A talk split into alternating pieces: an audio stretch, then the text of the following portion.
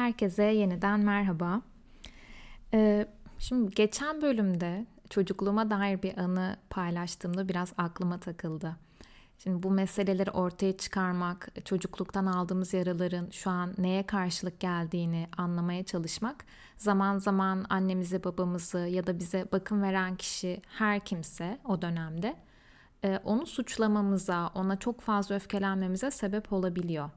Bu tabii ki yaşadığımız olaya göre hissedeceğimiz duygu değişebilir. Burada çok büyük travmalardan bahsetmiyorum bu yüzden. Ee, çok çok daha derinlere inildiğinde farklı yaşantılara denk gelebiliyoruz. Biraz daha genel konuşmaya çalışıyorum. Herkes için geçerli olamayacak şeyler de var tabii ki. Bunların da farkındayım. Sadece şunu atlamamamız gerekiyor sanırım. Ee, burada ben de insanım diyoruz ve bazen bize bakım veren kişilerin, annemizin, babamızın ya da o anneannemizin, dedemizin artık kimse bize bakım veren kişi, onun da bir insan olduğunu unutabiliyoruz zaman zaman. Bu aslında çocukluktan bu yana e, algılama biçimimiz bu şekilde. O kişiyi biz böyle mutlak güçlü, her şeye gücü yeten, e, bize her şekilde yardım sunabilen mükemmel bir insan olarak görüyoruz aslında çocukluğumuz itibariyle. Ve onların mükemmel olmayışlarıyla karşılaştığımız ilk anda da müthiş bir hayal kırıklığı yaşayabiliyoruz. Ama işte onlar da insan ve zaman zaman hata yapabilirler. Ee, annemizle babamızla bakım verenlerimizle meselelerimiz o yüzden hiç bitmiyor. Ben kendimi bu açıdan şanslı tarafta hissediyorum. Çünkü bu meseleleri açtığımda rahat bir şekilde konuşabiliyorum onlarla ve bu podcastleri dinlediklerini bildiğim halde yine çocukluk yaşantılarımdan rahatça bahsedebiliyor olmamın bir sebebi de bu muhtemelen. Çünkü e, bir önceki yayından sonra direkt annemle bu konuyu konuştuk. Dedim böyle böyle ben işte çocuklukta kenara atılmış hissettiğim bir dönemde hayati bir tehlike geçirdiğimi paylaştım ama hani bu bunu hangi bağlamda paylaşmış olabileceğimi biliyorsunuz. Bu meseleyi de sizle konuştum zaten diye anlattım ve çok anlayışla karşıladı annem bunu. Ve o dönemde kendilerinde olup biten şeylerden de bahsetti. Onları da dinleyebildim. Bu iletişimi sağlayabilmek çok kıymetli. Şimdi burada aslında e, sonradan şunu da fark ettim. Evet kenara atılmışlık dedik ve kıskançlıkla bir araya geldiğinde bu çok yıkıcı bir duyguya yol açabiliyor ve bizim ilişkilerimizde kendimizi kaybetmemize kadar varabiliyor. Ama bir yandan benim Kıbrıs'ta yaşadığımız dönemde kendimi kenara atılmış hissetmem o kenara atıldığım yerde kendimi ne şekilde gösterebileceğime odaklanmamla da sonuçlanmış. Annemle konuşurken biraz bunları da fark ettim. Ben çünkü Kıbrıs'tayken çoğunlukla bu duyguyu hissediyordum birçok sebepten ve e, o dönemde daha başarılı hissedebileceğim alanlara odaklandım. İşte atletizme başladım. Normalde vasat bir öğrenciyken birden çalışkan bir öğrenci olmaya başladım. Bu benim bir şekilde kendimi gösterme çabamdı belki de. Ben de buradayım, beni de görün deme çabamdı. Ee, beni nereye taşıdı? Şu an kendi hayatımı idame ettirebileceğim bir noktaya taşıdı. Keyif alabileceğim alanlarda, başarıyla ilerlemenin nasıl olabileceğini, bunu nasıl yapabileceğimi keşfetmeme yardımcı oldu. Bu anlamda yani yaşadığımız zorlanmalar, bu zorlu yaşantılarımız illaki olumsuz bir şeyle sonuçlanacak diye de bir durum söz konusu değil. Önemli olan bunu fark etmek ve fazlalıkları törpülemek. Bundan kastım ne? Evet ben bir şekilde görünür olabileceğimi, belki başarılı olarak hani görünür olabileceğimi öğrendim. Eğer ki bunda çok takılı kalırsam başarısız olduğum alanlara karşı benim tahammül seviyem oldukça düşebilir ee, ve başarısız olduğum alanlarda kendimi görünmez gibi hissedebilirim. Ve bu alana öyle yatırım yaparım ki yani sadece başarı odaklı yaşarım, hiçbir şekilde keyif alamam. Başarı haricindeki diğer ihtiyaçlarımı da görmezden gelirim. Bu sağlıklı mı? Tabii ki değil. Dolayısıyla da evet e, bu zorlu yaşantı beni başarılı bir insan yaptı. Çünkü başarılı olma ihtiyacı hissettim ben. Ama bir yandan da bu ihtiyacımı fark edip nereden kaynaklandığını da anlayıp bunun fazlasını törpülemek benim daha doyumlu bir hayat yaşamama da yardımcı oluyor. Şimdi o yüzden burada şu çok önemli. Bakmak ve inkar etmemek. Yani evet hepimizin çocukluğunda az ya da çok, şiddetli ya da hafif bir takım zorlu yaşantılar vardı ve bunlar bizde bir şeylere yol açtı. Dolayısıyla da bakmamız ve inkar etmememiz ve kendimizi böyle etrafımızdaki diğer kişilerle kıyaslayıp benim bir sorunum yok ya noktasına taşımamamız gerekiyor. Bu mesela ilişkilerde bunu çok fazla görüyoruz. Kıskançlıktan devam edelim yine. Bir önceki bölümün konusu. Şimdi kıskanan birisini gördüğümüzde biz eğer ki kendimizi ilişkilerde bu duyguyu böyle çok da yaşamayan biri gibi görüyorsak kendimizi böyle sağlıklı, tırnak içinde sağlıklı bir yerde konumlandırıyoruz ve böyle bununla övünüyoruz da. Ben hiç kıskanmam. Ben böyle şeyleri hiç kafaya takmam. Ben çok umursamam. Sanki böyle ilişkide hiç canı yanmıyor bu kişinin. Ee, hiçbir şey canını sıkmıyor. Hiçbir şey mesele haline getirmiyor. Hiçbir anda böyle sevilip sevilmediğiyle ilgili şüpheye düşmüyor.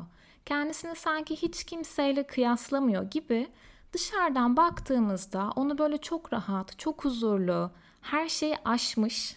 Bu da tırnak içinde bu çünkü çok kullandığımız bir ifade. O aşmış artık. Bu meseleleri aşmış. Burada hiç yarası yok, hiç canı yanmıyor.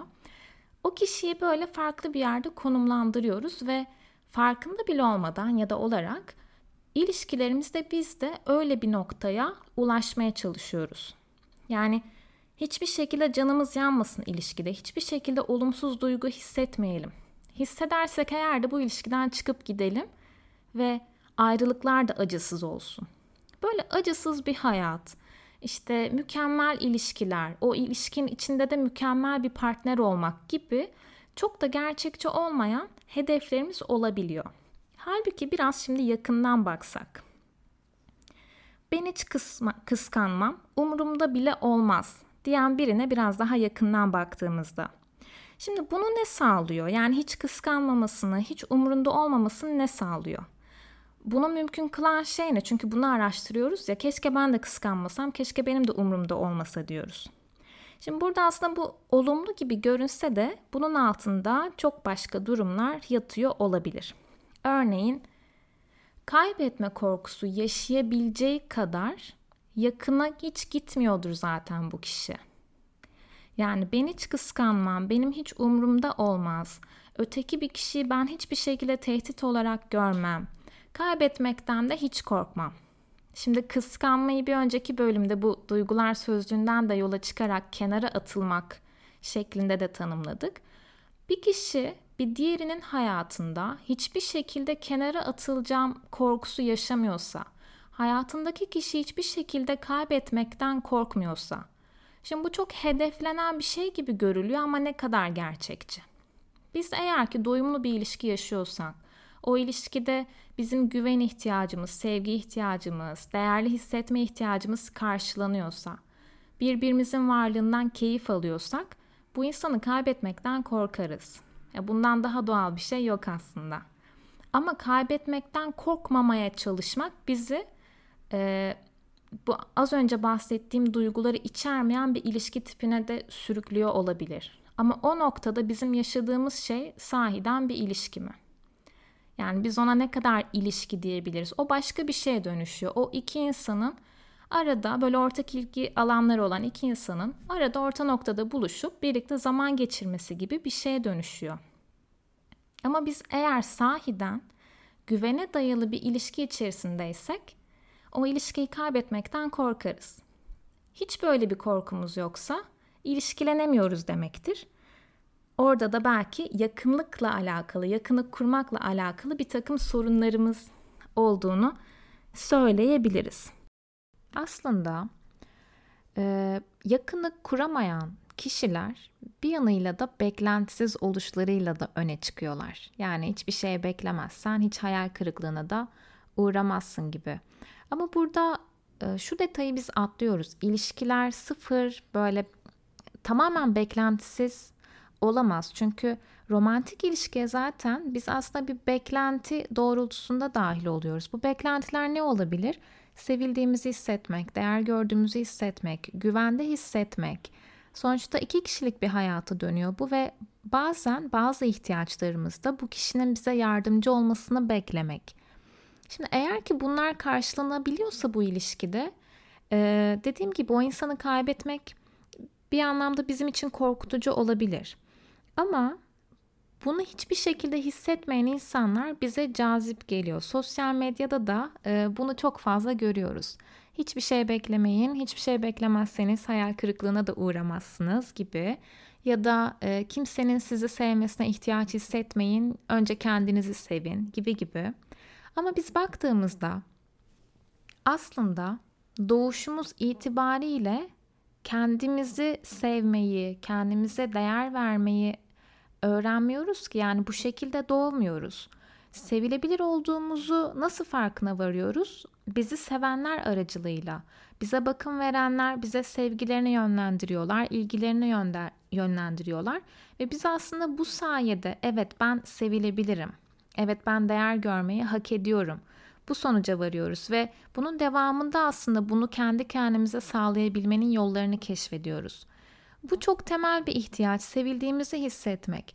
Kendimizden ne kadar memnun olsak da, kendimize ne kadar barışık olsak da, yani kendimizi seviyor olsak bile, değerli olduğumuzun farkında olsak bile bir diğerinin bizi sevmesine ihtiyaç duyarız. Bu çok anlaşılır bir şey, anlaşılır bir durum. Ama bunu hiçbir şekilde beklemememiz gerektiğine nereden bu sonuca varıyoruz? Buna bir bakmamız gerekiyor bence. Şimdi bu herkesin düşündüğü bir şey değil tabii ki. Ama özellikle bu kaybetme korkusu hissetmeyen, çok kolay ayrılabilen, hiç kıskanmayan, ilişkide hiçbir şekilde hiçbir şey beklemeyen kişilere baktığımızda neler görebiliriz?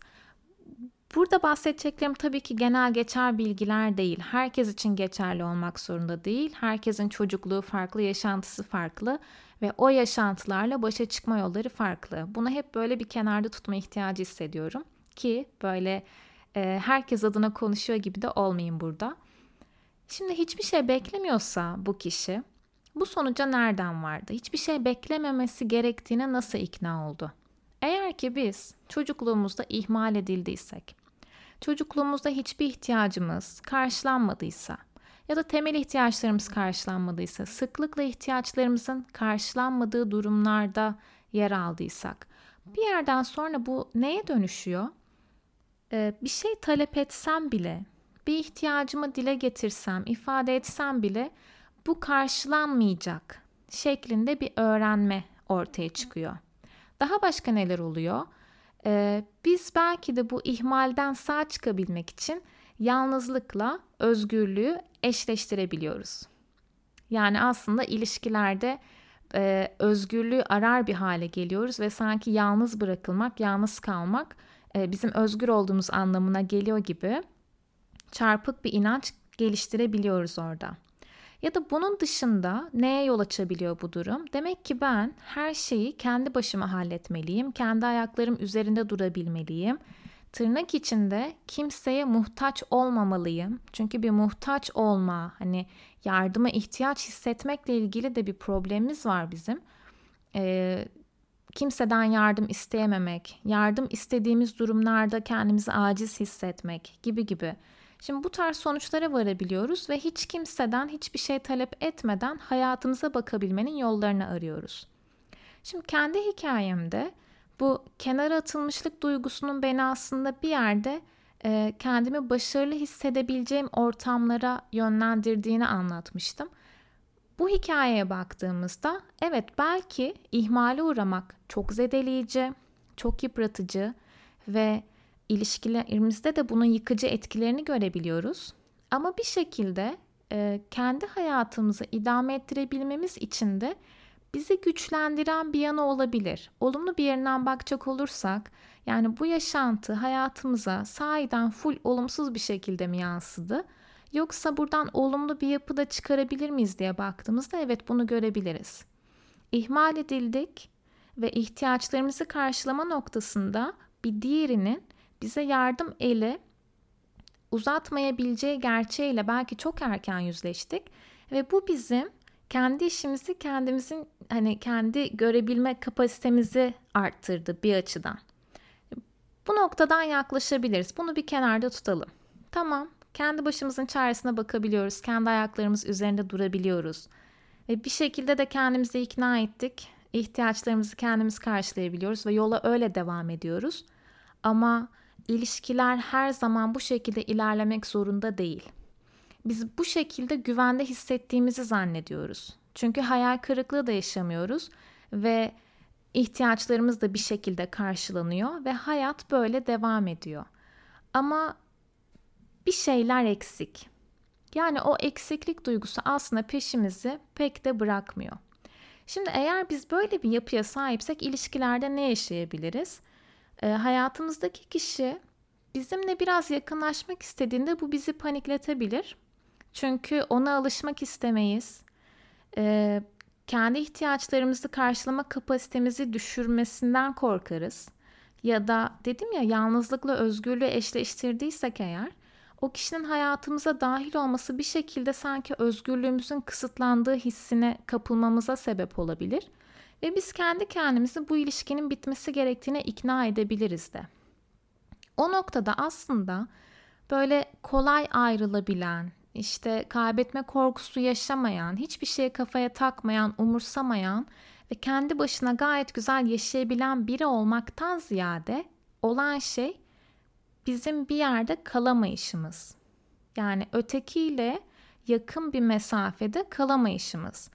Bu bir şekilde bize ürkütücü geliyor. Halbuki bu bizi iyileştirebilecek de bir ilişki olabilir. Çünkü biz güvende hissetmeyi yakın ilişkilerle öğreniyoruz ve yakın ilişkiler içerisinde daha güvende hissediyoruz.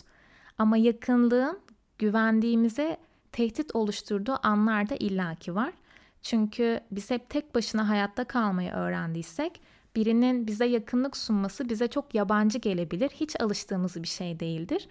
Ve e, kendi kendimizi öğrendiğimiz yolları değiştirmemizi gerektirebilir. Buna cesaret etmek oldukça zorlayıcı. Ama buradaki temel nokta ne? Yani etrafınızda eğer ki varsa hiçbir şey umursamadığı, hiçbir şey umursamıyor gibi görünen ya da belki siz öylesinizdir. Bir şekilde e, kolay ayrılabildiğinizi düşünüyorsunuzdur mesela. İlişkilere çok kolay nokta koyabildiğinizi düşünüyorsunuzdur. Ya da hayatınızdaki insanı kaybetmekten hiç korkmadığınızı fark ediyorsunuzdur. O noktada bir bakın ilişkinize e, duygusal yatırımınız ne düzeyde? Yani ne kadar sevgi veriyorsunuz oraya, ne kadar ilgi, değer veriyorsunuz ve bunları ne kadar bekliyorsunuz karşı taraftan? Partnerinizin bir şeye ihtiyacı olduğunda bu ihtiyacın karşılanmasına destek olmak bir şekilde size yük gibi mi geliyor yoksa bunu yakınlığın bir göstergesi gibi görebiliyor musunuz? Eğer böyle görebiliyorsanız siz de bir şeye ihtiyaç duyduğunuzda bunu talep edebilirsiniz. Ama işte burada bazı çarpık inançlarımız olabiliyor. Kimseden hiçbir şey istememeliyim, kendimi sevmeliyim ve bir başkasının beni sevmesine ihtiyaç duymamalıyım gibi gibi. Ama biliyoruz ki bunlar çok gerçekçi değil. Her ne kadar sosyal medyada fazlasıyla karşımıza çıksa da aslında bizi gerçek yakınlığı içeren sahici bir ilişkiden mahrum bırakıyor. O yüzden de kendimize de bir bakalım. Etraftaki kişilerin hiçbir şey umursamayan hallerine de aldanmayalım. Sevmeye, yakınlık kurmaya cesaret edemeyen yanlarımızı bir dinleyelim e, yakınlıktan korkmamıza sebep olan o zihnimizdeki ses bize neler söylüyor biraz bunları dinleyelim. Belki bir sonraki bölümde de yakınlık korkusuna biraz daha eğiliriz. Şimdilik kendinize iyi bakın. Görüşmek üzere.